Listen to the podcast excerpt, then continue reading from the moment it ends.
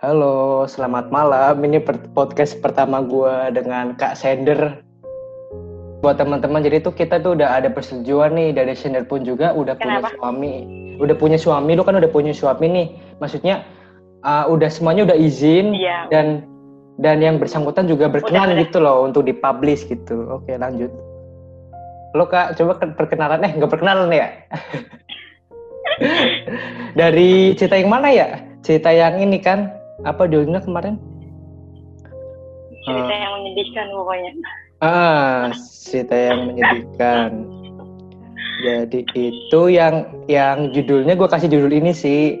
Abis lahiran, anak gue meninggal, gue dikatain murahan sama keluarganya. Oke nih, Iya, bener banget. oke. Terserah nih, ah, lu mau nyeritain dari bacain dari DM lu waktu itu ke gue, ataupun lu mau nyeritain lagi nih versi beda lu. Secara ngobrol kan beda tuh. Hmm. Terserah, Hmm, hmm, hmm. enaknya gimana? Ya, boleh, boleh. Sebelumnya, hello, Mak. Selamat malam semuanya. Hmm. Iya, bener. Eh, Sebenarnya sih tujuan gue pengen banget diajak podcast podcast sama lu ya karena mau berbagi aja sih buat teman-teman di luar sana. Gue yakin yang ngalamin ini tuh gak cuma satu dua yang pernah ada di posisi kayak gitu sama Bener kayak gue tuh banget. gak cuma satu dua. Hmm. Bener banget. dan gue rasa banyak banget di luar sana perempuan yang sekarang lagi tertekan dan lu masih dulu tuh kan nggak pernah ada eh, tentang konseling ya di puskesmas ya Nggak ada. Sekarang udah ada Konseling. sekarang udah ada konseling dalam apa dulu nih edukasi seks atau atau Hmm. atau gimana ah oke konseling tentang yang sedih maksudnya yang kayak nah, gue lagi tertekan nih gue butuh Oh, teman curhat iya. ya kan sekarang udah ada tuh di puskesmas. Kalau Oh. dulu kan belum ada. Oh, udah ada sekarang? Gue baru tahu malah lu bilang Udah. kayak gini. Bagus udah bagus. Makanya sekarang gua gua gua tuh senang banget sekarang pemerintah memperhatikan teman-teman yang punya mental illness banget. Ah, Eh, jadi teman-teman yang nggak punya wadah buat cerita tuh bisa cerita di situ. Walaupun masih banyak banget yang takut buat cerita jadi hmm. gua rasa sih kehadiran lu beruntung apa sih eh, keberuntungan banget buat teman-teman yang butuh tempat cerita. Kalau menurut gue itu mereka nggak berani cerita karena ini sih kayak misal nih setiap orang kan pas setiap orang kan pasti punya masalah lu kan. Entah itu ekspektasinya jauh pasti takutnya karena takut dijudge gitu ngerti gak sih? Iya karena, iya. karena gue juga Bener pernah pernah ngalamin kayak gitu dan ada lagi yang kadang ngebanding bandingin nih satu sama lain lah lu mendingin nah kayak gitu itu salah satunya bener banget ya, oke. Oke, kita balik lanjutin ceritanya ya. Oke silakan. Sebelumnya gue mau ngasih tahu kali ya kenapa gue pengen banget punya pacar dulu. Karena gue adalah salah satu anak perempuan yang jadi korban bully. Oke. Yaitu gue nggak nggak punya temen gue nggak tahu mau main sama siapa gue ngerasa gue dikucilkan gue ngerasa dibutuhkan ketika teman-teman gue uh, butuh nilai sama gue kayak uh, misalkan ada PR atau tugas kelompok mereka akan mendekat tapi ketika mereka nggak butuh gue mereka akan menjauh sejak saat Oh. itu gue berpikir kayaknya gue butuh pacar deh gitu. Butuh seseorang yang bisa nemenin gue eh, tiap hari gitu, tiap saat bisa jadi teman Ah, ngobrol gue iya. gitu kan. Dan dapatlah si manusia. Udah iya oke oke itu Iya. masa lalu ya masa lalu ya Eh, Iya. itu itu jadi kejadian waktu sekolah abaikan diri sendiri juga Hmm, buat hmm, ke depannya gitu Ha. udah ketika gue ngasih ke permanen gue ke dia dia berubah drastis banget berubah benar-benar berubah dia jadi kasar sama gue dia jadi suka maki-maki gue dia jadi suka mukulin gue dia jadi tiba-tiba hilang. Pokoknya semuanya dia dia juga selingkuh gitu. Sebagai perempuan yang pertama kali gue ngasih ketahuan dia ya sama kayak teman-teman yang lain. Gue berpikiran kalau dia udah ngambil punya gue gitu. Jadi gue harus sama dia terus gitu. Gue jadi seakan-akan seperti kayak apa ya? Kayak anjing yang kelaparan minta sama majikannya gitu. Terus-terus ngegonggong gitu loh. Jadi terus-terusan minta sama dia. Akhirnya sampai di titik di mana gue tahu gue hamil tapi hamilnya itu kalau nggak salah udah tiga bulan Hmm, hmm. saat oke. itu gue persiapan ujian nasional Ah, oke ah, Itu- ah. down banget asli gue sendiri tahu itu semua down banget gue minta cowok gue untuk bilang ke orang tuanya juga dia nggak mau Mm-mm. gue minta dia ngomong ke orang tua gue juga nggak mau ya udah yang ada di jalan pikiran gue saat itu adalah ya udah gue lulus sekolah dulu sekarang padahal nih dia ya gue Mm-mm. udah dapet surat panggilan beasiswa untuk kuliah. Itu ya pikiran gue hancur banget saat itu.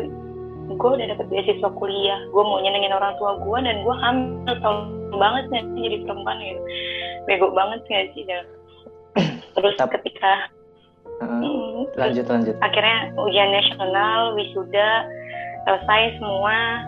Ya gue minta dia untuk berani bilang ke orang tua gue kalau gue hamil Mm. ya akhirnya dengan segala paksaan bujukan dan ya proses banyak dia maju ke nyokap gue dia nggak berani maju ke bokap gue Eh, dia maju ke nyokap gue tap tadi dulu gue potong nih. Lu gue lupa juga ceritanya udah udah lama banget tuh gue baca DM lu. Itu posisinya cowok lu itu satu angkatan atau di atas lu?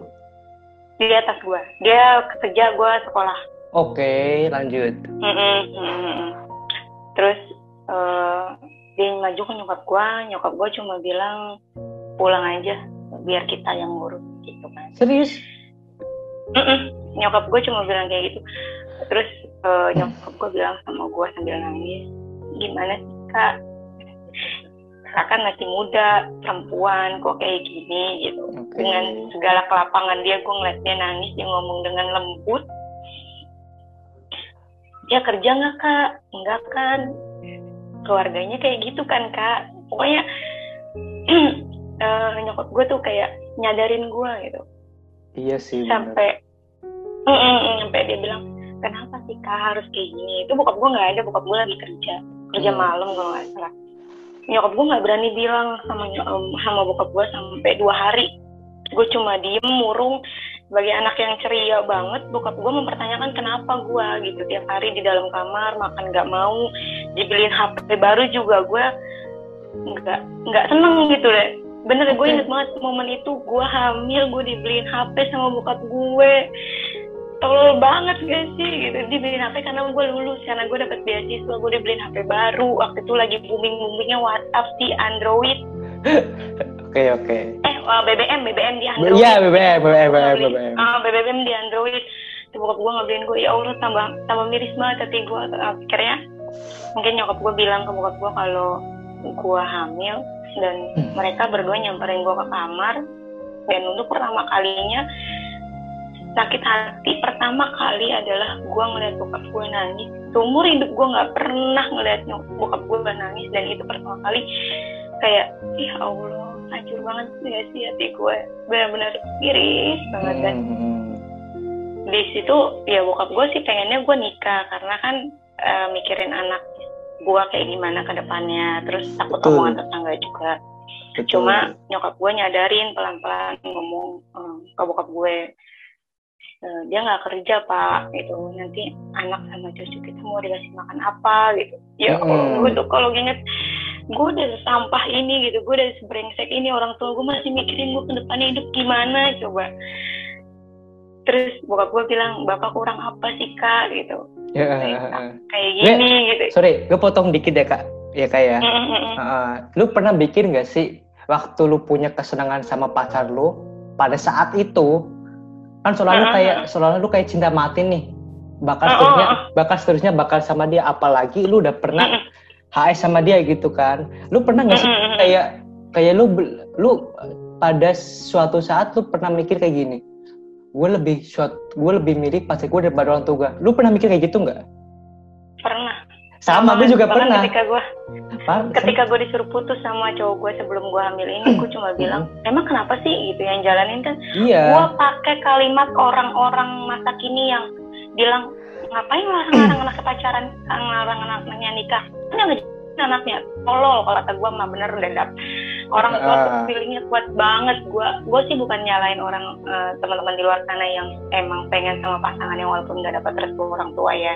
Mm-mm. cuma buat gue untuk saat ini yang pernah mengalami jatuhnya banget restu orang tua tuh yang pertama sih buat gue apa pun sekarang semenjak kejadian itu everything apa pun yang gue lakukan entah gue mau pergi ke sini mau mau ngelakuin ini mau daftar ini itu gue selalu bilang sama nyokap gue gue selalu minta doa sama mereka kalau mereka bilang enggak ya udah soal Iya. kerjaan pun misalkan gue diterima eh, eh, kakak diterima nih boleh nggak nggak ya udah nggak gitu rezeki gue sama mereka aja Ah, ah, Karena- betul. udah terlalu banyak nyakitin mereka jadi untuk saat ini ya ya udah gitu. Oke. ah, Terus- balik lagi ya lanjut lanjut lanjut. iya terus akhirnya nyokap bokap gue memutuskan untuk nggak menikahkan gue dan posisi si cowok nggak nggak ngomong-ngomong sama keluarganya ya Berarti ini masih diam-diam nih dari pihak cowoknya belum tahu nih kejadian sebenarnya. Gila Enggak, sih. Ayo lanjut. Eh, udah memutuskan untuk ya udah sementara tinggal di rumah adik nyokap gue aja gitu sampai anaknya lahir nggak apa-apa sendiri aja gitu. Hmm. ngurusin nyokap gue bilang sih mama sama bapak masih sanggup kok ngidupin kakak sama anaknya gitu jadi Oke. ya Allah Tapi gue sampah gitu loh gue udah ngecewain mereka mereka masih sebaik itu sama gue gue nggak ngerti lagi kenapa Tuhan sama orang tua gue tuh baik banget sama gue gitu loh nerima nerima segala kekurangan gue nerima ya uh, gue nggak ngerti sih. Kalau gue di posisi mereka gue nggak tahu gue akan kecewa apa sama anak gue tapi mereka benar-benar lapang dada mereka benar-benar menerima anak perempuan pertama yang jadi harapan mereka menghancurkan seluruhnya gitu. Akhirnya ya udah gue terima semuanya gue jalanin. Gue cuma minta gue tobat setobat tobatnya gue cuma minta sama Tuhan. Kalau emang ini yang terbaik buat gue ya udah ya gue cuma minta ya Allah eh, apa pun jalan ke depannya tolong kasih yang terbaik untuk Oke. orang tua saya Uh-uh. gue cuma gue yang ada di pikiran gue gimana caranya orang tua gue bahagia itu doang sih saat itu iya. ketika gue menjalani sendiri gitu sama keluarga nyokap gue kodarullah anak gue diambil lagi sama Tuhan Oke oke. Tadi dulu. Maaf nih. gue Waktu itu anak lu meninggal pada saat lu udah UN apa belum? Posisinya? Udah udah lulus Oh, udah lulus ya. Berarti udah udah wisuda Oke, udah lulus udah gue semuanya flashback flashback dulu nih, flash, flashback dulu nih. Kan lu otomatis kan lahirin tanpa seorang ayah kan, dan itu pun lu status status masih sendiri belum nikah. Nah, otomatis kan namanya mulut-mulut tetangga nih, pasti tahu dong. Nah, dari oh situ, karena gue lahirannya nggak di lingkungan rumah Dav. oh, nggak ada yang tahu berarti. nggak ada sampai sekarang nggak ada yang tahu Oh, iya sih gua sih kak, bener sih kak, bener-bener. Gue nggak pernah cerita sama siapa. Tapi gue gue terbuka gue punya anak. Ini kuburan anak gue cuma gue selalu nutupin kapan anak gue lahir siapa Ah, nama anak iya. gue gue cuma ngasih tahu itu nisan anak gue gitu. Jadi ketika ada tanya itu siapa anak gue tapi kan namanya orang pasti nggak mungkin nanya lebih dalam kan. Jadi Iya. kayak sebenarnya itu gue nggak pernah mau nutupin kapan anak gue lahir kapan anak gue pergi siapa nama anak gue gue nggak pernah mau nutupin. Tapi itu salah satu cara yang gue lakuin untuk menjaga hati gue sendiri Ya, Gitu. ya emang itu yang terbaik gitu maksudnya kan. Ah, ah, biar gue hidup Ah. tenang gitu dan lo tuh Oke. gue ngelahirin sendiri karena perempuan perempuan baru hamil gitu nggak tahu apa-apa mules pendarahan sendirian gue nggak ngomong sama siapa dan gue ngelahirin di kamar mandi karena gue pikir Serius, Gua mau serius lu di kamar gitu. mandi? Iya. Serius? Gue baru tahu loh Iya, karena iya. karena waktu itu lu nggak cerita kan di DM kan secara detailnya ah, ah. nih. Berarti gue nggak bilang tapi so- tapi iya waktu itu lahiran di kamar mandi ah waktu itu lu ngelahirin umur berapa? hmm, berapa 18 berarti Nah, gue 17 gue gue kan anak kemarin sore nih nggak tahu masalah kayak gitu. Ah, sebenarnya kalau secara medis itu ah, ideal orang melahirkan tuh umur berapa sih kak? Dari 21 pandangan lu nih. hamil hamil itu untuk perempuan 21 tahun sih Oh iya sih. Tapi kalau kit kalau misal dia hamil lebih muda, resikonya tinggi ya? banget eh Oh, prematur oke. segala macam Iya iya benar benar benar benar. Nah terus lu berarti banget, posisi banyak banget posisi lagi di kamar mandi tuh, ya kan?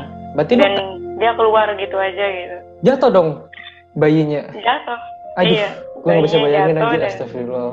gue nangis gue cuma pelukin dia gue sedotin eh, apa sih hidungnya biar dia bisa nafas gue Oh berarti waktu itu waktu itu waktu bayinya lahir belum nangis atau gimana? hmm, belum belum nangis terus gue sedot gitu hidungnya gitu biar dia bisa nafas terus dia nangis Heeh. tapi nangisnya tuh cuma kayak ngek ngek gitu kayak anak kambing Oh iya. gitu. Tapi cuma itu ngek doang pas lahiran itu dia sesuai dengan waktunya apa atau enggak? Enggak, itu baru enam bulan, jauh banget Ya dari prematur banget ya. Mm-mm, jadi dia nggak bisa bertahan. Akhirnya gue panggil, gue panggil bibi gue, bibi gue panggil Idan. Gue inget banget waktu itu malam jam 2 pagi. Mhm. Wah, Berarti berarti gua- waktu waktu lu ngelahirin di kamar mandi nih, otomatis kan kalau ngelahirin kan adik-adiknya masih itu kan masih nyambung kan, belum diputus dong waktu itu dong. Eh, gue keluarin abis gue keluarin bayi gue keluarin hari-hari. Belum Anjir, diputus. gila gue nggak bisa bayangin. Ya, lu kayak anak 17 tahun, anak kemarin sore yang nggak ngerti apa-apa tentang hamil dan melahirkan gitu, ngadepin semuanya sendiri, cuma diem, bengong. Udah satu jam kemudian gue tanya anaknya gimana, dia bilang anaknya udah balik lagi sama. Ya udah, Iya. Nangis. Berarti bengong, Berarti- diem. berarti waktu lu ngelahirin nih, terus jeda berapa hari Hah? langsung meninggal anaknya itu bayinya. Satu jam kemudian. Innalillahi wa inna ilaihi raji'un. Gila kayak pas Jadi- sakitnya ya. Mm, Astagfirullah. mm, mm. Itu itu sakit hati kedua. Pertama ketika nyokap ngeliat nyokap gue ngeliat Ah, nyokap gue iya. nangis. Kedua ketika anak gue pergi gitu walaupun dia adalah seorang yang nggak pernah dipengenin gitu kan nggak pernah dibicarakan. Tapi sebagai orang tua yang yang ngandung pasti kan ngerasa gitu kan. eh, ini anak gue gitu. Ini yang gue sayang, yang gue jaga gitu. Iya. Terus heeh. Heeh. walaupun beberapa kali gue sempat menyesalkan kenapa sih lu ada gitu dan Tapi itu tapi gue percaya sih banget anak itu pasti langsung ke surga karena dia lahir belum maksudnya masih suci dan pasti langsung kalau gue baca-baca sih iya. gitu. Heeh. Gue nangis sebulan penuh gue meratapi semua kebodohan gue kenapa gue pacaran? Kenapa gue kenal sama dia? Kenapa gue nggak dengerin omongan nyokap gue kenapa gue harus menyerahkan harta gue ke dia? Kenapa sampai bisa gue hamil? Kenapa sampai gue kecewain orang tua gue itu sebulan gue nangis. Nangis terus. Dan hal yang tambah bikin sakit hati ketika Mhm. adalah ketika ya mungkin gue sebagai perempuan tol gue pengen ayahnya tahu kalau dia udah lahir walaupun Iya. dia balik lagi ke Tuhan. Gue kabarin dong dia. Gue bilang anaknya udah lahir tetap balik lagi sama Allah gitu kan. Gue gue keluarin semua sumpah serapah gue ke dia gue maki-maki dia gue marah-marah sama dia. Kenapa sampai saat ini lo nggak cerita ke orang tua lo Mm, mm, mm, mm. apakah anak gue bisa dianggap sama orang tua lo apakah orang tua lo bisa ngirimin doa anak gue di kuburan gitu kan Mm, mm. karena sampai saat ini yang sayang sama anak gue ya cuma keluarga gue dan suami gue aja gitu guys Oke mereka nggak oke. pernah tahu dan ketika gue eh, bilang ke dia terus dia jawab dengan sakit hatinya dia jawab ya udah sih itu kan cuma anak kotor Kesel gak sih, Astagfirullah. Tapi tapi, Anak tapi ya udah sih, maksudnya gini. Ya, ya itu juga sama juga anak anak si si cowok lu pada saat itu kan. Maksudnya kalau dia juga nggak lu sama dia nggak ngelakuin itu pasti nggak bakal ada tuh anak gitu. Iya, itu iya. maksudnya. Ya bapak anak gue nggak kotor yang kotor tuh lo sama gue gitu. Oke, dengan oke. dengan dengan kesel ya gue gue mati mati udah oke lah lu nggak mau terima anak gue oke. Nggak apa-apa gitu kan. Gue cuma pengen lu tahu anak gue biar gue bisa tanya biar anak gue baik-baik aja dan bahagia di sana kira gue coba ngubungin keluarganya Mm-mm. gue cerita gue hamil tapi gue udah ngelahirin anaknya meninggal terus dia bilang Iya kan yang rusak masa depan si laki gue. Gitu kan. Anjir. Gue tuh perempuan Gila, murahan. Gitu. speechless, Lo speechless bayangin, gila gila Gua gila gila gila gue perempuan murahan yang ngerusak masa depan si laki gitu. Mm. Sakit banget sih itu. Udah anak gue dikatain, gue dikatain akhirnya. Ya udah gue mundur. Oke, it's okay. Gitu. Gue bisa Tapi- ngadepin semua sendiri. tapi pada saat itu lu bilang sama keluarga si cowok lu itu tatap muka atau gimana kak mas Eh, ketemu atau telepon by, gitu by WA, by SMS karena di gue telepon nggak mau diangkat. Oh pada saat itu belum belum belum ramai WA kali ya? Kan udah lama banget tuh. belum Ah, Belum, belum. masih SMS. Gue kira itu waktu lu dimaki-maki itu kayak misal nih cowok lu pada saat itu ngebawa lu ke keluarganya gitu. Gue mikirnya sih gitu. Enggak sedikit pun dia nggak berani untuk ngadep bawa keluarganya bawa gua ataupun sendiri dia tuh nggak berani. Tapi Sampai- aduh. Terakhir gua ya gua pikir kan gua udah maafin dia nih. Gua kirimin dong foto makam anak gue. dua tahun atau tiga tahun yang lalu lah gue lupa ketika gue awal-awal nikah sama suami gue suami gue juga nyaranin ayahnya nggak dikabarin jadi maksudnya ngabarin nih anak makam anaknya di sini kalau emang Hmm. mau ngeliat jadi itu sebagai perempuan karena gue udah ngerasa gue udah maafin dia gue udah ngerasa gue udah ikhlas gue udah punya keluarga baru lebih bahagia ya gue cuma pengen, pengen ngenalin gitu ke anak gue ini ayahnya gitu Mm-mm. ayahnya ya tolong dateng lah gue kasih tahu foto kuburannya gue kasih alamatnya dan gue di blok Anjir, serius sama keluarganya semuanya? semua. Astagfirullah. nggak nggak ada maksudnya. Ya udah gitu. Ketika gue udah drop segala macem eh, berobat ke sana sini minum obat ketergantungan ketergantungan dan eh, stres parah gitu teriak-teriakan di rumah kalau lagi kumat ngelukain diri sendiri entah pakai.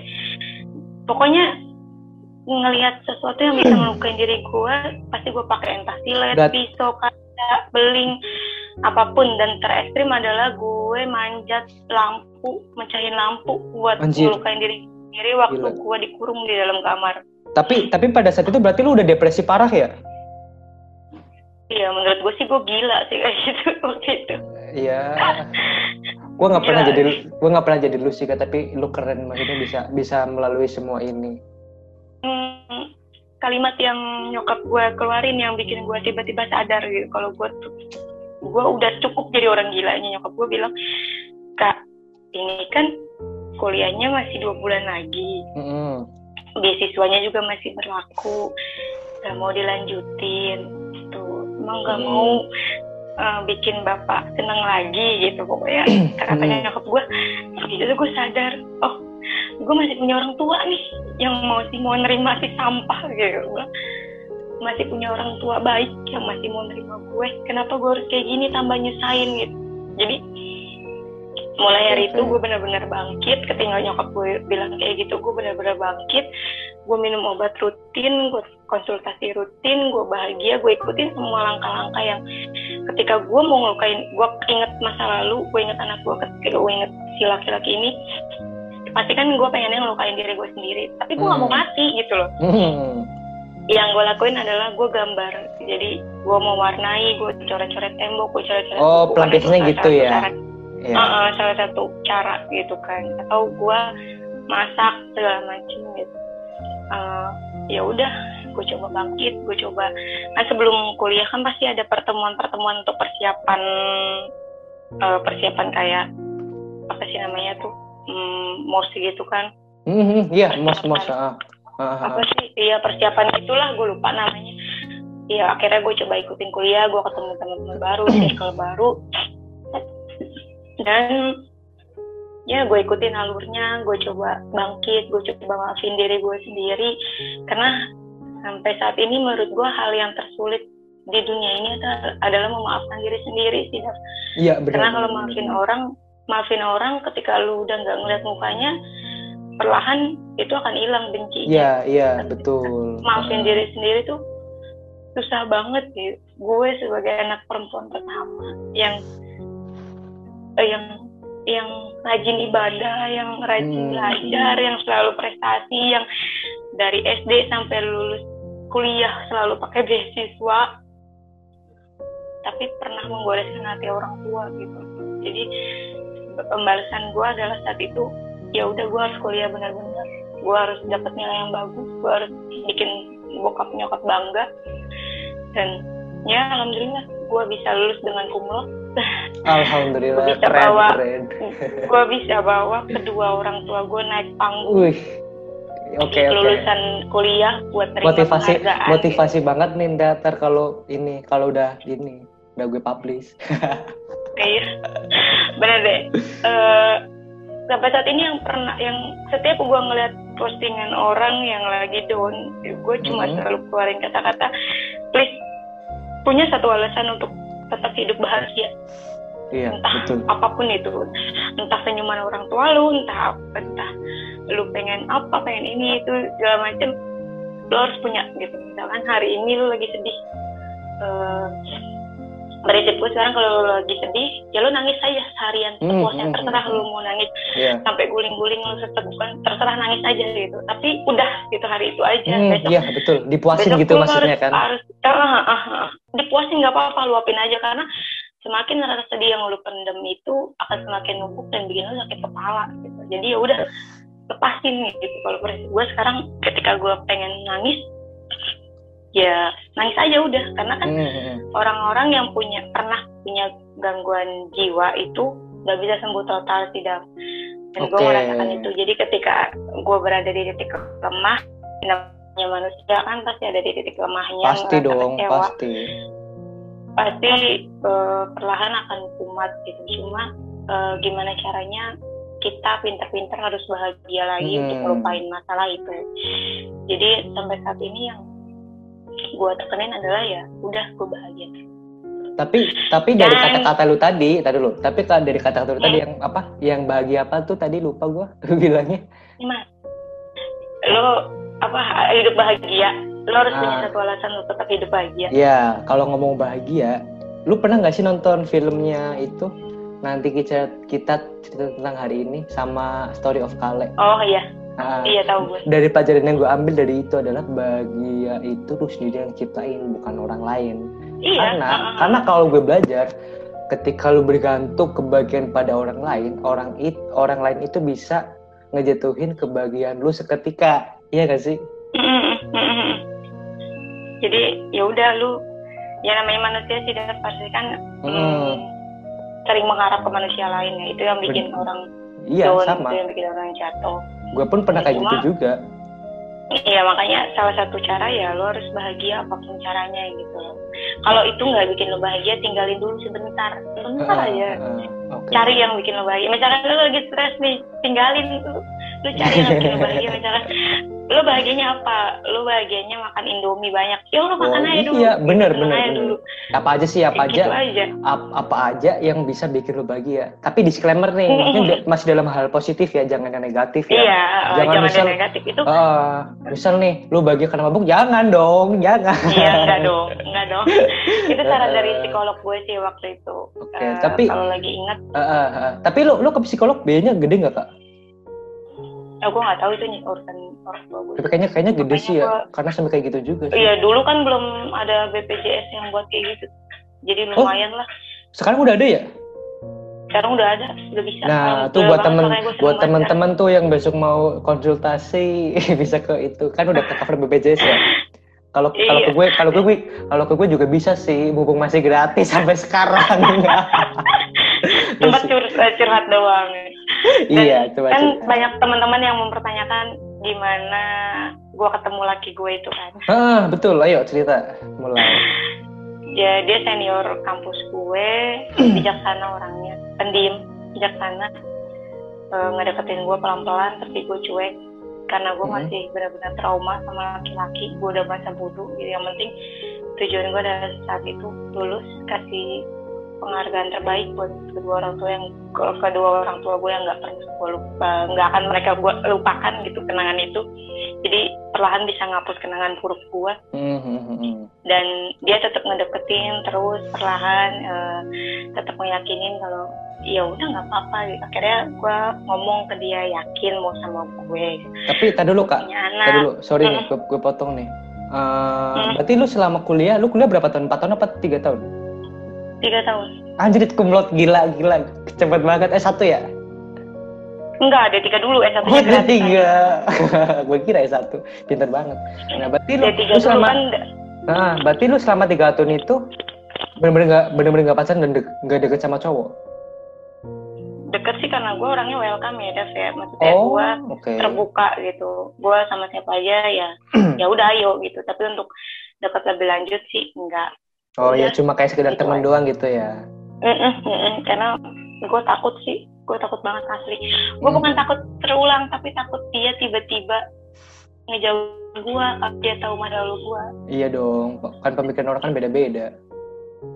makanya gue bilang sama laki gue waktu itu yakin mau dateng gue gue nih punya anak piluan nikah Eh, gue punya anak udah tapi anaknya udah balik sama Allah dan gue nggak nikah gitu. jadi gue nggak tahu nih gue gadis apa janda sampai gue bercandain waktu itu sama dia terus dia bilang ya itu kan masa lalu buat apa diinget-inget gitu jadi Ah. ya udah dia maju terus gitu Betul. sampai saat ini dia nggak pernah nggak pernah tahu sih kenapa gue bisa hamil entah eh, maksudnya kenapa bisa hamilnya gue ngelakuin itu karena suka sama suka atau karena gue dipaksa dia nggak tahu Mm, mm, mm. Oke oke. dia nggak pernah nanya Iya. dia nggak pernah nanya dia nggak tahu yang dia tahu laki gue ini kasar gue hamil sama dia gue hamil sendirian gue ngidam sendirian gue pengen ini itu sendirian gue ujian nasional sendirian ngadepin semuanya gue lahiran sendirian itu yang dia tahu Oke oke. Iya. selebihnya dia nggak mau tahu Ah, Iya ya karena itu juga kayak ngejaga perasaan lu juga sih maksudnya. ah ah, Oke lah kalau kepo pun nggak masalah tapi dengan catatan lu juga mau cerita nih. Tapi kalau nggak mau lu nggak mau cerita ya udah jangan dipaksa gitu. Iya. kan takutnya kayak dia flashback, juga tuh jadi sakit hati juga. iya. Dia nggak pernah dia nggak pernah nanya gitu. Jadi Hmm. ya gue beruntung banget sih dapet dia. Tapi tapi nih ya Dev ya. Hmm, oke. Bisa kan eh, lu dan teman-teman kan bilang kalau di luar sana gue juga bilang di luar sana masih banyak laki-laki yang mau terima kita sebagai perempuan yang masa lalunya jelek. Tapi jangan pernah jadi ini nih alasan untuk lu jadi jelek Ya, iya bener. Gue sering tekankan itu kayak gini. Konsepnya kayak gini kak. Misal nih, gue tuh udah dicap nakal nih sama lingkungan gue Nah. ataupun circle gue. Tapi bukan berarti dengan statement itu lu lu ini ah gue udah dicap dicap nakal nih. Yaudah nakal aja. Enggak kayak gitu Ah. juga. Maksudnya ah, ah, ya udah, lu baik, lu baik, lu tetap jadi orang bener. Tapi nggak usah kayak kayak perlu pembuktian nggak usah. Itu cukup buat diri lu Iya. sendiri gitu loh. Ataupun jadi itu juga- ah, itu juga orang-orang terdekat tuh yang cukup tahu gitu. Kalau gue sih gitu. iya bener banget jadi gue saranin buat teman-teman yang emang belum melepas harta berharganya jangan pernah jangan pernah dikasih ke siapa pun kecuali Iya. suami nggak perlu ikut-ikutan temen nggak perlu untuk dianggap keren nggak ada gunanya gitu Eh, jauhin bener-bener bener-bener jauhin teman-teman kalian itu akan merusak atau dirinya rusak Iya bener sih, bener juga sih. Emang emang nge- ngefilter teman tuh makin sini tuh emang emang penting kak. Menurut gue ya. ya penting kalau kata saya Anu pilih-pilih temen tuh penting Ah, bener emang. Gue juga ngalamin sampai sekarang. Mm-mm. dan ya udah gitu. Walaupun masih banyak laki-laki di luar sana yang mau nerima perempuan dengan lalu yang jelek bukan berarti lu harus merusak diri lu di sekarang. Enggak, mengharapkan laki-laki di depan sana gitu kan. Dan Hmm. hmm, untuk saat ini sih gue ngasih pemahaman ke temen-temen yang lainnya. Yang maksudnya yang kan gue eh, mahasiswa dekok itu kan dekat sama anak-anak SMA karena organisasi. Iya. Dan rata-rata mereka pasti pengen pacaran gitu gitu segala macam. Heeh, gue selalu iya. bilang ke mereka gue selalu bilang ke mereka coba bahagiain diri sendiri sama orang tua dulu. Pertama. Hmm, hmm, hmm, hmm. kedua eh, tolong tentuin dari sekarang kalian mau nikah umur berapa. Misal kalian mau nikah umur 23 tahun. Sekarang kalian 17 tahun. 17 ke 23 berarti kan masih 6 tahun lagi. Iya. kalau suatu saat kalian punya pacar di umur 17 tahun, akankah kalian terus pacaran sama dia selama enam tahun? Iya akankah kalian menjaga diri kalian selama enam tahun ke depan? Itu sih yang gue seselin kenapa kenapa cuma karena gue butuh temen gue harus pacaran gitu dan itu yang gue tekenin ke teman-teman maksudnya ke adik-adik kelas gitu. jangan deh kalau kalau bisa jangan jangan kenal sama pacaran jangan kenal sama yang namanya hubungan seks jangan kenal sama yang pergaulan bebas itu benar-benar ngerusak kalian banget banget Karena- banget banget Karena gini, kalau gue kalau gue sekarang kan pacaran kan mungkin HS gitu ya. Karena gue juga dari daerah nih kak. Gue gue dari Hmm. daerah nggak dari nggak dari bener-bener pure dari kota enggak. Cilacap Aji disebut nama lagi suwe. Eh, apa namanya? Eh, emang circle circle desa sama kota tuh beda banget ya. Mungkin kalau AS Iya. di kota tuh udah biasa ya. Jadi hal kayak hal gede hal nggak bakal gitu ya. gimana ya kata-katanya. Jadi nggak bak nggak bak hal kecil itu hal gede itu berawal dari hal kecil ya nggak sih? Contoh kecilnya. Kayak gini loh kayak gimana? hamil luar nikah sekarang udah biasa gitu. Iya nggak sih? Kayak gini misal nih, misal nih uh, berawal dari kissing ya kan? Kissing kissing kissing. Udah ngerasain nih kayak apa nih? Nah terus besoknya grepe-grepe nih ke yang entah itu Ya, lama-lama. lama-lama. Nah itu maksudnya gitu. Dari hal kecil tuh lama-lama gede-gede-gede akhirnya Nur ah nyesel ini ini. Terus dari itu semua namanya kerja ya kan kalau nikah kan juga butuh kesiapan mental dan finansial juga. Nggak asal nikah terus lu cuma ngewet doang kagak. Jadi jadi istri dan jadi ibu tuh butuh mental yang luar biasa banget. Nah gitu betul. Asli.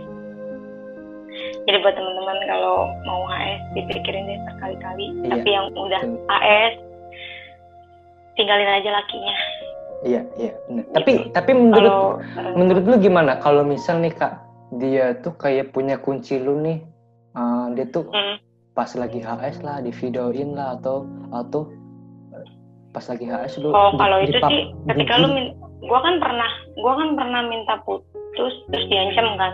Mm-mm. terakhir kali dia ngancam gua pokoknya dia, minta putus terus diancam saat, saat itu gua nggak pernah nggak tahu kalau hal-hal yang diancam kayak gitu tuh bisa digunakan untuk ke- ke- kepolisian gitu. Nah dulu itu. masih polos masih bodoh yang nggak tahu apa sekarang tuh ada ada sekarang tuh kalian bisa ceritain itu ke konseling di puskesmas atau di rumah sakit dari si Oke. dari si BPJS gratis itu. Jadi apa pun yang kalian alami misalkan kalian ngerasa tekanan batin karena diancam sama video atau apa ya nggak apa-apa ceritain aja nanti mereka akan bantuin cari bukti mereka akan bantuin kalian laporin eh, tapi emang itu salah satu resiko sih jadi kayak eh, lu mau kayak gimana gitu ketika lu udah jatuh di lubang lu mau naik dengan rasa sakit yang besut-besut atau lu mau akan tetap di dalam gitu. Iya betul betul betul betul betul. gue ada sih banyak orang di luar sana yang udah HS nikah atau belum nikah tetap bahagia hidupnya. Cuma kan kita nggak bisa ngeliat di situnya gitu kita nggak tahu titik terburuk mereka tuh kayak Ah gimana. betul dulu betul juga betul. kayak adik gue nih susah banget dibilangin untuk yang pacaran jangan kayak gini kayak gitu. Pasti dia ngelawan. Terus gue cuma bilang gue tahu zaman lu sama zaman gue beda gitu. Gue tahu gue pernah di posisi lu pengen pacaran pengen ngerasain tapi coba lu pikirin akan kalau sama dia selamanya gitu Saya iya mau iya. Terus akan kalau sama dia selamanya ah, terus Itu aja dari gue dari pemikiran gue juga gini kak. Maksudnya itu kan kadang banyak tuh teman-teman tuh yang yang kayak ngeyel lah. ah, terus inilah itulah. Terus kadang gue punya statement gini, kalau dia belum ngalamin, belum bisa aware, ngerti gak sih? Contoh kecilnya nih, Iya, kayak bener misal nih, eh, nggak pacaran terus dia terjerumus nih udah HS, habis itu udah sadar tuh, karena dia udah ngalamin dan udah punya iya kejadian, jadi dia belajar juga. iya Ada juga kayak gitu. Tapi Ya, kalau ya kalau yang belum sih jangan sampai sih.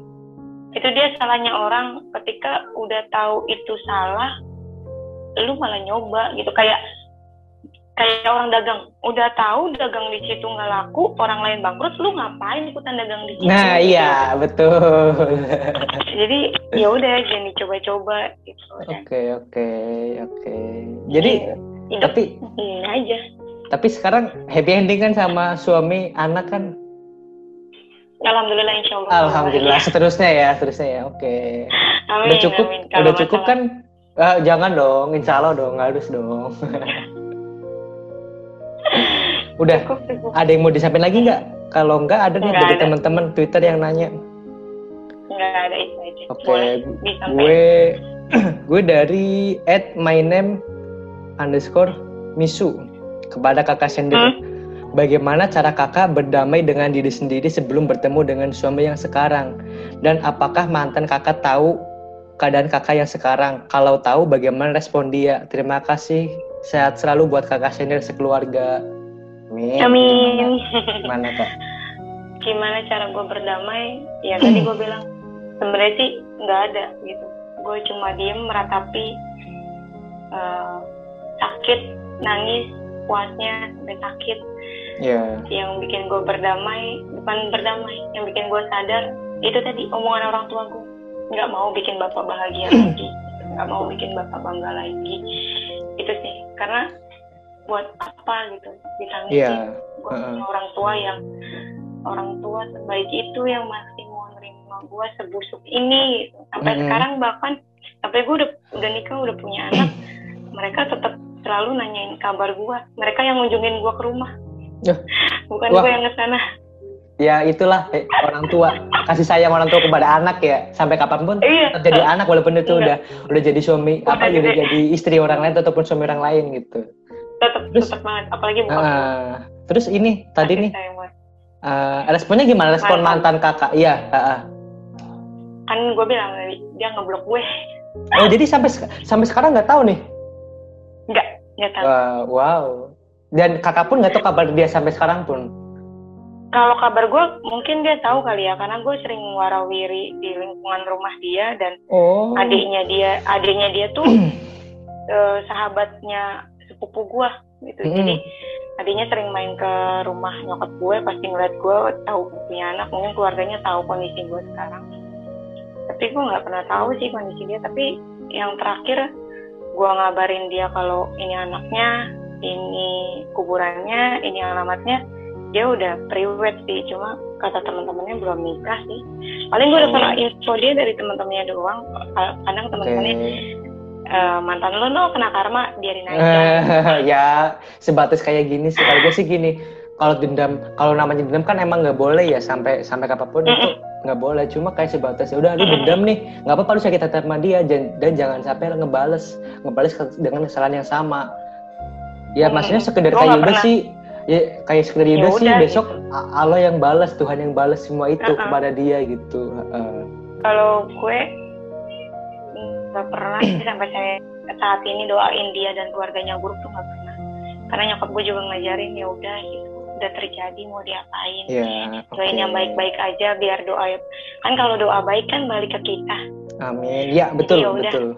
doain yang baik-baik aja kak gitu ya udah Oke. sampai saat ini gimana gue bisa ikhlas ya udah jalanin aja. Jalanin Oke oke. eh, terima. Maafin diri sendiri itu yang paling penting sih. Betul. Maafin. Kenapa dulu gue bodoh gitu? Nggak apa-apa kan dulu gitu. Itu untuk pelajaran. Sekarang jangan Ah. bodoh lagi gitu. Kenapa Oke, dulu oke. gue harus nyerahin perawan gue ke dia? Ya nggak apa-apa kan dulu gitu. Sekarang dijaga lagi ya gitu jangan ngulangin. Kalau dulu sih gue gitu untuk Oke, damai oke. untuk menerima semuanya kayak gitu Oke, lanjut ya ke pertanyaan selanjutnya ya. ya Ed, ini dari Ed Publikagen. Nanya Kak, penyembuhan hati kan proses berjalan seiringnya waktu. Dalam proses penerimaan hal apa yang kakak simpen di hati dan membuat damai diri kakak sendiri? gue punya orang tua yang baik dan hebat Ah, itu dia. Karena karena sejauh apa pun lu seneng sama orang, terus lu jatuh Hmm. lagi, bahkan juga kembali juga ke orang tua juga, gitu. iya. Iya nggak sih, bener nggak sih? sejatuhnya lu, seburuknya lu, se pokoknya sehancur-hancurnya lu, lu cuma punya orang tua gitu aja sih. Heeh. tapi buat teman-teman yang maksudnya yang maafnya kata mungkin uh, udah yatim piatu dari tua. ya Mm-mm. masih ada keluarga keluarga keluarga keluarga itu kan nggak nggak nggak harus tentang saudara mungkin punya keluarga tua, sendiri iya. ya kayak Hmm. gitu Heeh. oke lanjut Ya, masih sih. ada masih ada masih ada Uh, dua nih Boleh? nitip dari at KDCT nitip bang buat kakak sender. Makasih udah ngasih bukti kalau perempuan yang masa dulunya gelap itu masa depannya belum tentu gelap. Dan buat suaminya makasih juga udah ngasih bukti nyata kalau masih ada laki-laki yang tulus mencintai perempuan dengan masa lalu gitu dan ngebuat masa depan jadi indah. Huhu. Dia bukan pertanyaan per- pertanyaan sih kayak sebatas ngasih apa namanya? Nggak- Semangat gitu. Iya, iya. Oke, Tadi kan oke. gue cerita ke, ke, ke laki gue, kayak gini, mau kayak gini, kayak gini, terus dia ketawa gitu. Oh. Bilang, lagian, lagian masa lalu mau diapain? iya, iya emang bener bener bener bener. Iyalah, kan kita, Gitu doang, buat, cuma kita responnya, buat masa depan. "Eh, mau ikutan nggak? Enggak, ah, ngapain? Gitu. Lagian masa lalu ngapain diinget gitu. Ya. Oke, oke, sih oke. gitu. Bukan buat teman-teman saya, eh, yang kenapa dulu mau sama aku gitu kan gue Iya. gue tanya tadi. Iya Tadi udah masa lalu ngapain dia Ah, inget-inget gitu? Tadinya tuh Nah, ini gue tuh juga mau mau ngajak ini Nanya kakak dia. suami dari kakak sendirinya itu mau ikutan kali aja mau ngomong atau apa tapi kan malu ya. Iya dia dia introvert banget sih dia ketua organisasi bijaksana tapi dia diem pendiam gitu. Oh berarti bagus dong Jadi- itu emas jadi ngomong seperlunya jadi itu kayak pasangan melengkapi kalau gue kan bacot banget nih kayak, uh, ngomong ember segala macam kalau dia sih diem paling dia ketawa dia uh, ngeresponnya senyum hehe gitu doang Oke, gitu. oke. jadi ya udah Lanjut ya. saling melengkapi aja Titip Kadav. Kak, untuk bisa sekuat dan setegar itu sampai titik ini gimana caranya, Kak? Apa sih yang buat bisa Kakak bisa memutuskan untuk tetap menjalani masa sulit Kakak saat itu? ya itu Sama juga ya pertanyaannya hampir sama ya? Mm-mm. Soal- alasan gue selalu orang tua Iya, gue sebelum gue eh eh, kan suami gue nembak gue nih maksudnya minta gue jadi pacarnya gue bilang gini sih ke eh, kalau suatu saat gue ngenalin lu ke nyokap tapi nyokap nggak suka Mm-mm. mohon maaf ya gue mundur jadi gue udah bilang duluan di depan itu sesayang apa pun gue sama lu secinta apa pun gue sama lu tapi kalau ketika nanti nanti gue ngenalin lu ke nyokap dan nyokap bilang enggak sorry gue mundur. Gue udah Ya. bilang kayak gitu ke dia gitu. Dia nggak mundur ya udah. Tapi tapi pa- pada saat pada saat pertama pertemuan anta- antara uh, laki lu sekarang sama keluarga lu langsung terima atau emang ada perjuangannya lagi? enggak nyokap gue nggak bilang enggak nggak bilang iya juga. Maksudnya ya Oh, udah. masih pertimbangan ya? Mm-mm, maksudnya ya udah gitu kan gue yang jalanin. Tapi ketika ya si laki gue mau ngelamar gue gue bilang kan ke orang tua gue kalau dia mau ngelamar terus nyokap bokap gue nanya dia udah tahu belum tentang masa lalunya kak? Tuh. dia udah tahu tentang anak kakak belum? Gitu dia mau nerima enggak jangan sampai dia nggak tahu nanti udah nikah dia baru tahu dan dia kecewa. Nah, Nyokap iya gue sih waktu itu ngingetin gue kayak gitu. Terus gue bilang udah udah tahu kok mas. Dan dia mau gitu. Dia mau. Tapi tapi gini sih kak, semua. eh, apa namanya? Dari teman-teman juga pun, misal nih ya, kadang juga ada juga, oke lah kalau kalau mis orang punya statement tapi berdasarkan agama, gue nggak gue nggak nggak berani nggak berani berstatement balik karena itu udah menyangkut agama kan. Gue mending diem nih takut Hmm. salah takut salah ngomong. Karena emang Hmm. itu aib, aib itu kan emang nggak boleh disebar sebar luaskan kan. mm, mm. Karena ditutupin Iya. oleh Tuhan. Nah, uh, Iya, iya. menurut lu nih kak, perlu nggak sih kita terbuka sama suami uh, at- Kalau Dari masa lalu kita gitu. ya? kalau buat gue sih terbuka bukan terbuka sih jujur Ah, iya betul sih. kalau betul, betul, terbuka bener kan sih. berarti lu harus ngupas semuanya gitu kan Ah, ah, ah, ah, bener bener bener. Eh, sedangkan itu masa lalu Eh, sebenarnya balik lagi sih tapi eh, balik lagi ke laki-lakinya ketika lu udah jujur masa lalu lu kayak gini terus dia tanya lu mau itu balik lagi ke lu bener ya lu ketika lu ketemu laki-laki mau jalin serius sama lu eh, terus lu ceritain lu masa lalu. Cerita yang sesingkat mungkin sesimpel mungkin kondisi lu saat itu aja. Oke oke oke. kayak gue waktu itu ngejelasin. Kalau waktu itu laki gue nanya kenapa bisa kayak gitu? Gue pun nggak akan mau jawab sih. Ya udah cari yang lain aja gitu kalau Oke kalau bener gue. bener bener. tapi untungnya beruntungnya dia nggak nggak nanya. Dan sampai saat ini pun dia nggak pernah nanya-nanya gitu. Ah, ah, dia tetap tapi jalanin yang ada depan mata. Ya buat gue kalau ketika eh, kalau tanya terbuka perlu atau enggak menurut gue jujur tuh perlu sih ah, betul karena betul betul. nggak semua laki-laki punya hati legowo tentang masa lalu Ah, perempuan apalagi ah. ya kita hidup di negara yang menjunjung tinggi keperawanan dan berdarah gitu bahkan yang masih perawan nggak berdarah aja tuh nggak- masih perawan nggak berdarah aja tuh dipertanyakan gitu loh Hello Oke. lu belajar dong ini udah 2021 nggak oke. semua orang perawan harus berdarah gitu Ah, loh. ah, ah. Tapi itu aja dipertanyakan ah, gue nanya lagi nih kak, ini lebih ke edukasi sih, bukan bukan bukan seks enggak. Iya, maksudnya edukasi seks, maksudnya bukan bukan maksudnya enggak. Mm-mm. lu kan udah udah pernah nih maksudnya lu udah udah sekarang udah punya suami itu Mm-mm. udah udah hal yang halal buat lu gue nanya nih dan juga memakai juga teman-teman juga uh, wak misal lu HIS itu keluar darah nggak pada saat itu gitu? Kalau sama suami sekarang? Dulu waktu dulu pertama kali. Awal pertama kali keluar. Oh berarti tapi tapi kan gue juga baca-baca dari tutorial gitu uh, apa namanya? Ada juga yang misal satu kali dua kali nggak keluar, keluar. tapi tapi dua ketiga kali baru keluar gitu kan? Ada juga kayak gitu kan? Mm-mm, ada kok.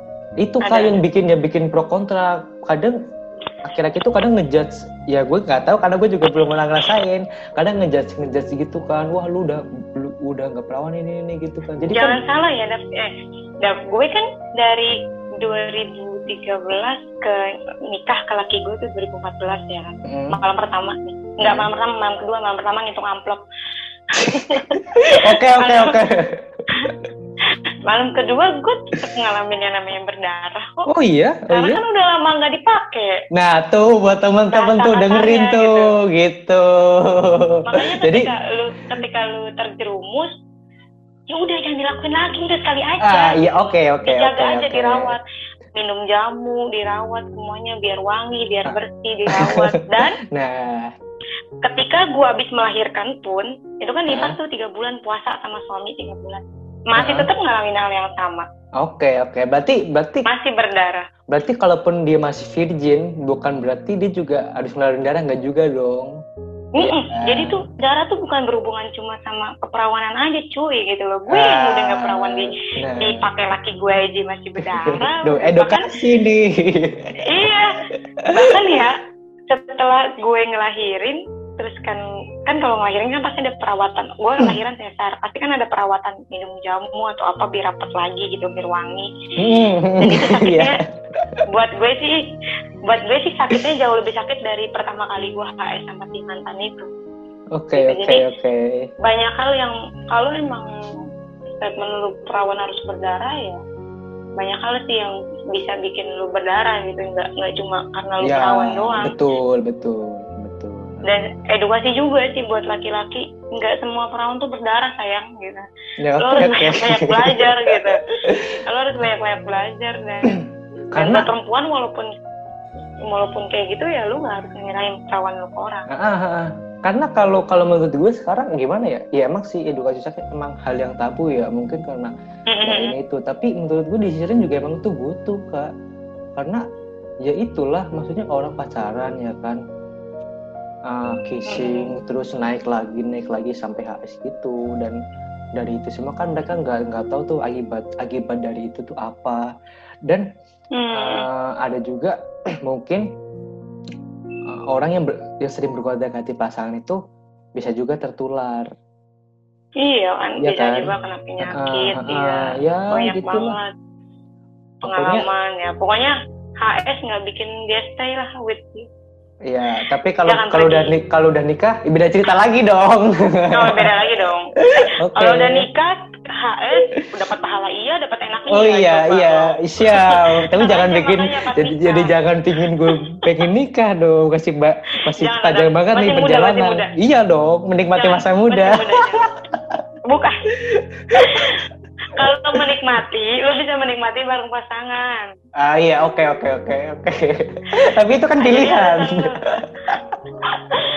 belum bisa ini tapi ketika lu tanya kenapa belum nikah mentalnya belum siap gitu Iya iya bener sih bener sih kadang kadang emang omongan orang-orang itu kadang yang bikin bingung jawabnya juga. Kadang gue gue Mhm. menghindarin ini kak. Satu jangan sampai lu nanya kepada orang yang udah berumur berumur kenapa belum nikah. Itu yang paling gue hindarin.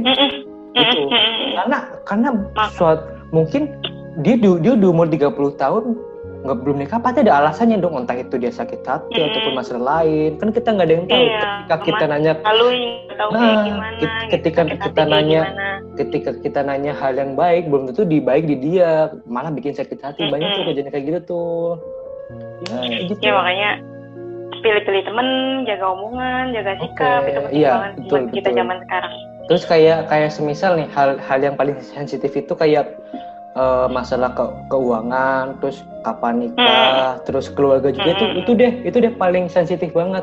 Sebisa mungkin lu Iya. tahu dulu nih orangnya kalau misalnya udah deket boleh tuh nanya tapi lu nanya juga kayak maaf boleh nanya nggak? Kalau emang dia nggak boleh ya udah Mm. jangan gitu sih. Mm-mm. karena itu udah privasi. Gue belajar gue belajar ETK itu dari bos gue pernah tidak eh, dia bos owner gitu yang punya perusahaan. Bos gue seorang bos yang punya us- perusahaan kontraktor ketika dia nanya di luar konteks pekerjaan atau Hmm. ketika dia telepon eh ketika pertama dia ketika dia tanya di luar konteks pekerjaan kayak misalkan eh, kamu nggak apa-apa lembur dimarahin suami atau enggak misalkan gitu ya Hmm.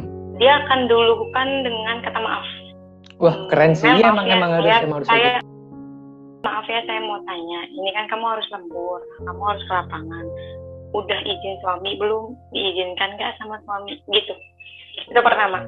Kedua, ketika dia menghubungi gue di luar jam kerja, jam kerja kan Senin sampai Jumat 8 sampai jam 5. Heeh. Gue bukan orang yang doyan lembur. Dia sama pasti selalu- dong, sama dong. dia dia masih selalu bilang maaf saya ganggu di luar jam kerja jadi itu yang gue pegang ke- eh, untuk sekarang eh, ngomong sama orang lain kalau emang lu ngerasa omongan itu akan bikin dia tersinggung duluin kata maaf Tuh. Oke oke oke.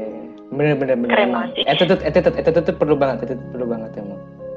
keren banget sih tuh bos kayak gitu Oke ya jadi perjalanan aja sih buat teman-teman sih gini gini gitu karena karena kalau misal nih lu anak pertama ya buat siapa aja ya bukan buat kita buat kakak dua semuanya sih eh, anak pertama pasti kan tahu nih lebih tahu perekonomian keluarga terus lebih lebih dulu terjun ke dunia sebenarnya. Kalau bisa banyak banyakin lah ngobrol sama adik-adik diajarin attitude gitu gini gini loh gini Mhm. loh gitu. Karena Iya. gue pun juga gue sampai sekarang juga ngajarin sih sebisa gua gitu. Gue juga selalu ngajarin ke adik gue sih jaga umum karena eh, bukan apa sih orang sakit hati tuh tinggal lakunya banyak nah betul betul oke jadi jaga omong aja jaga sikap pokoknya di zaman sekarang tuh buat teman-teman jaga omong jaga sikap jaga pertemanan gitu aja sih. oke Kak. keluar dari circle yang gak bagus keluar Oke ngomong-ngomong kita udah udah berapa menit ya lupa nih. eh Ada. udah satu jam kayaknya nih Oke oke oke. Gue gue ini ya kayaknya udah sih cukup cukup sih kayak gue gue makasih banget nih udah udah mau ngobrol di podcast gue udah mau berbagi cerita berbagi pengalaman dari treat naik ke podcast gitu kan. Uh. Maksudnya gue juga mohon maaf banget kalau misal gue kayak ngukit masa lalu lu dan bener-bener kayak apa ya kalau misal bikin lu sedih juga mohon maaf nih itu aja sih Enggak sih, eh, insya Allah gak sedih karena udah kuat, udah ikhlas. oke oke terus Justru gue sih biar bisa ngebuka mata perempuan di luar sana. amin terus salam ya buat keluarga lu buat suami lu Siap. buat anak lu sehat-sehat dah Siap. Dilan- dilancarkan segalanya rezeki panjang umur apa aja deh Amin, hal-hal yang amin, baik amin, pokoknya oke Amin. Eh, lu nikah ntar undang gue insya Allah Oh siap, gue kirim ntar doain ya. Semoga udah settle, gue jadi bos, amin. Amin ya Allah. Ah, Lu kan sering dinas ke sana. oh iya, gampang ntar kalau gue di Ya. rumah. Gampang kita main-main. Cuma, cuma gue juga ini sih, macam-macam. belum ini sih, belum jarang pulang nih. Aduh, covid kapan ya kelar? Nggak pulang, nggak pulang-pulang. Entah lah. Oke.